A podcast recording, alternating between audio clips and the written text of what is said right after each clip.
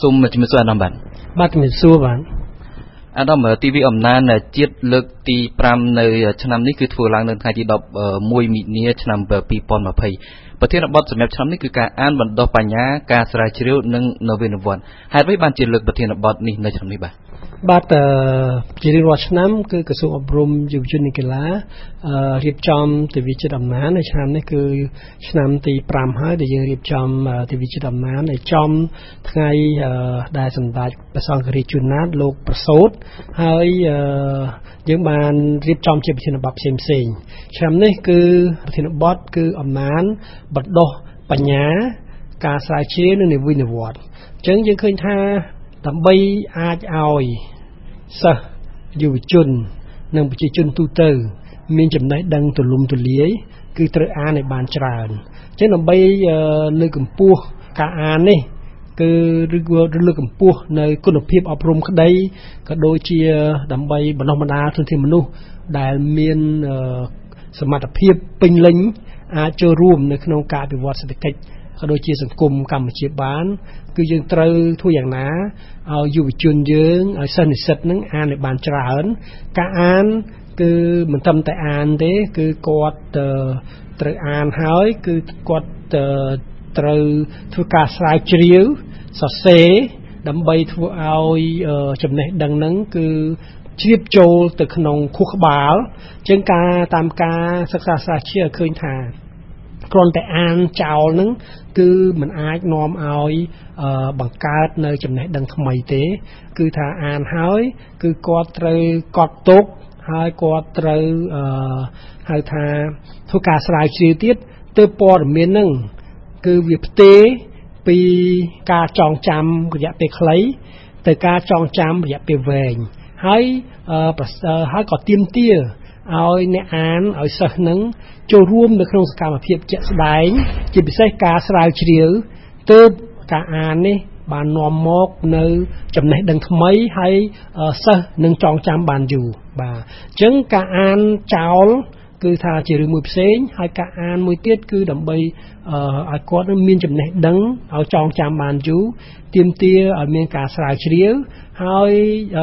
បញ្ហានិវិនិវត្តគឺថាអាននៅក្នុងយុគសម័យ digital នេះមិនមែនត្រឹមតែអានសៀវភៅទេ គឺអានពី platform ផ្សេងផ្សេងពីសៀវភៅអេឡិចត្រូនិកពីហៅថា apps ឬមួយក៏ពីប្រភពផ្សេងផ្សេងទៀតបាទដូច្នេះអ្នក ក្រសួងក្តីក៏ដូចជាអ្នកនិពន្ធក៏ក៏ដូចជាក្រុមហ៊ុនគឺស្ថានផ្សព្វផ្សាយបោះពុំផ្សាយគឺត្រូវមានភាពនវានុវត្តន៍ច្នៃប្រឌិតក្នុងការ ប្រើប្រាស់នៅបច្ចេកវិទ្យាដើម្បីតេទៀងអ្នកអាន បាទដោយសារតែដើម្បីលើកកម្ពស់អំណាចនេះដែលថយចុះការអានសិភៅជារួមនៅក្នុងពិភពលោកថយចុះអញ្ចឹងដើម្បីលើកកម្ពស់អំណាចគឺត្រូវប្រើប្រាស់នៅបច្ចេកវិទ្យាឲ្យមានភាពតាក់ទាញដើម្បីទើបឲ្យអ្នកអាននឹងចាប់អារម្មណ៍ហើយអានកាន់បានច្រើនបាទបាទអាដាមសម្រាប់ឆ្នាំនេះផ្ទាល់តើ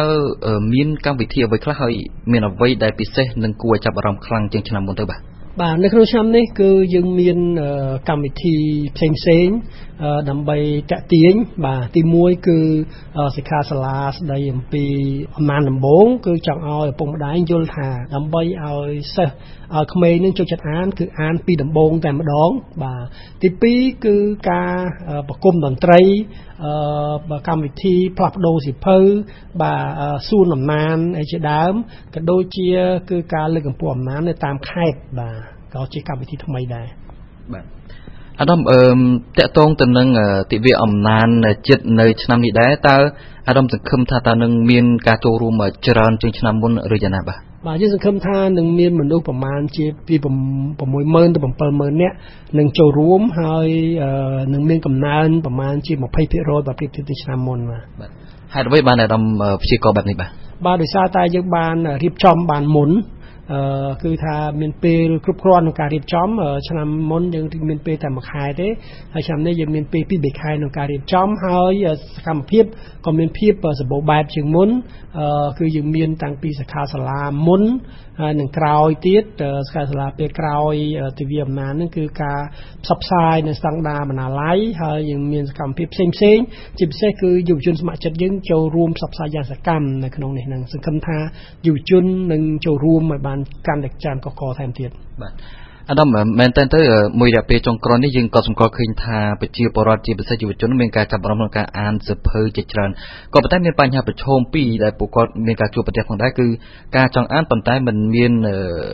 បណ្ណាល័យគ្រប់គ្រាន់ទេនៅទូទាំងប្រទេសទី2គឺកង្វះឯកសារជាភាសាខ្មែរទោះបីជាអ្នកនិពន្ធបរទេសនិស្សិតសរសេរបានល្អក៏ប៉ុន្តែការបកប្រែមកជាភាសាខ្មែរគឺនៅមានកម្រិតនៅឡើយខាងក្រសួងនឹងមានការលើកទឹកចិត្តឬក៏មានវិធានការចំពោះបញ្ហានេះទេបាទ ទី1គឺស្នើសុំឲ្យមេដាបេដាត្រូវមានទូសិភៅនៅតាមផ្ទះរៀននឹងខ្លួនដើម្បីលើកកម្ពស់អំណាចបាទទី2គឺថាយើងអាចប្រើប្រាស់នៅសិភៅដែលមានស្រាប់អញ្ចឹងយើងសង្កេតខ្ញុំក៏សង្កេតឃើញថានេះពេលចុងក្រោយនេះគឺមានការបោះពុំសិភៅកាន់តែច្រើនអ្នកនិពន្ធក៏ក៏មានកាន់តែច្រើនហើយ ក៏គេថាក្រុមហ៊ុនដែលបោះពុំផ្សាយហ្នឹងក៏មានកាន់តែច្រើនដូច្នេះយើងអាចចាប់ដើមពីអ្វីដែលមានហើយហើយដល់ពេលដែលអ្នកអានអានកាន់តែច្រើន បាទនឹងលើកទឹកចិត្តឲ្យមានអ្នកសរសេរនឹងនឹងឲ្យអ្នកបកប្រែសិភៅពីភាសាបរទេសនិងភាសាខ្មែរនឹងមានកាន់តែច្រើនដល់ពេលដែលទីផ្សារកាន់តែរីកធំគឺនឹងមានសិភៅកាន់តែច្រើនឡើងថែមទៀតបាទបាទ អារម្មណ៍ជាសំណួរចុងក្រោយរបស់ខ្ញុំតាក់ទងទៅនឹងកូវីដ -19 បន្តិចតើនៅពេលនេះក្រសួងនឹងមានវិធានការបែបណាដែរចំពោះសាលាតើមានគម្រោងអាចនឹងពិចារណាការបិទឬក៏បន្តនៅវិធានការលាងដៃ ដូចដើមក៏ចាំបាច់ដោយសារតែនៅប្រទេសខ្លះហ្នឹងមានការបិទខ្លះទៅហើយបាទបាទតាមការស្រាវជ្រាវយើងឃើញថាវិធានការរក្សាស្តង់ដារអនាម័យនិងការលាងដៃនេះគឺជាវិធានការមួយមានប្រសិទ្ធភាពជាងគេ បាទដោយសារតែហើយអាចកាត់បន្ថយការឆ្លងនឹងបានបានបានច្រើនជាងជាងគេទៅទៀតបាទដូច្នេះក្រសួងបន្តសូមឲ្យសាលារៀនមេដាបេដា អនុវត្តនៅការគោរពទៅតាមស្តង់ដារអនាម័យហើយយើងក៏បានស្នើសុំឲ្យគ្រូផ្សព្វផ្សាយឲ្យបានទូលំទូលាយដែរអញ្ចឹងយើងយល់ឃើញថាសាលារៀននៅក្នុងបរិបទកម្ពុជាមិនមែនជាកន្លែងចម្លងមេរោគទេហើយគ្រូក៏គាត់មានចំណេះដឹងចេះដឹងជ្រៅជ្រះហើយអាចជួយផ្សព្វផ្សាយឲ្យសិស្សនឹងគោរពទៅតាមទៅតាមស្តង់ដារអនាម័យឲ្យលាងដៃឲ្យបានញឹកញាប់ផងដែរហើយយើងក៏តម្រូវឲ្យសាលាត្រូវមានកន្លែងលាងដៃមានសាប៊ូហើយនៅទៅផ្ទះមេដាបេដាត្រូវអនុវត្តតាមតាមនេះដែរបញ្ហាប្រឈមប្រសិនបើគឺដោយសារតែយើងក្រសួងអប់រំយុវជនកីឡាមិនបិទសាលារៀនទេដោយសារសាលារៀនមិនមែនជាកន្លែងដែលចម្លងជំងឺទេបាទដូច្នេះ បញ្ហាសំខាន់គឺត្រូវអប់រំសិស្សឲ្យយល់ដឹងអំពីការគោរពស្តង់ដារអនាម័យហើយឲ្យគាត់មិនទៅមិនត្រូវទៅកន្លែងណាដែលអាចមានបញ្ហាប្រឈមនឹងខ្លាំងក្នុងការឆ្លងទេបាទដែលឡែកគឺសាលាមិនជាកន្លែងចម្លងជំងឺទេបាទសូមអរគុណអាដាមបាទបាទសូមអរគុណបាទសូមជម្រាបលាបាទ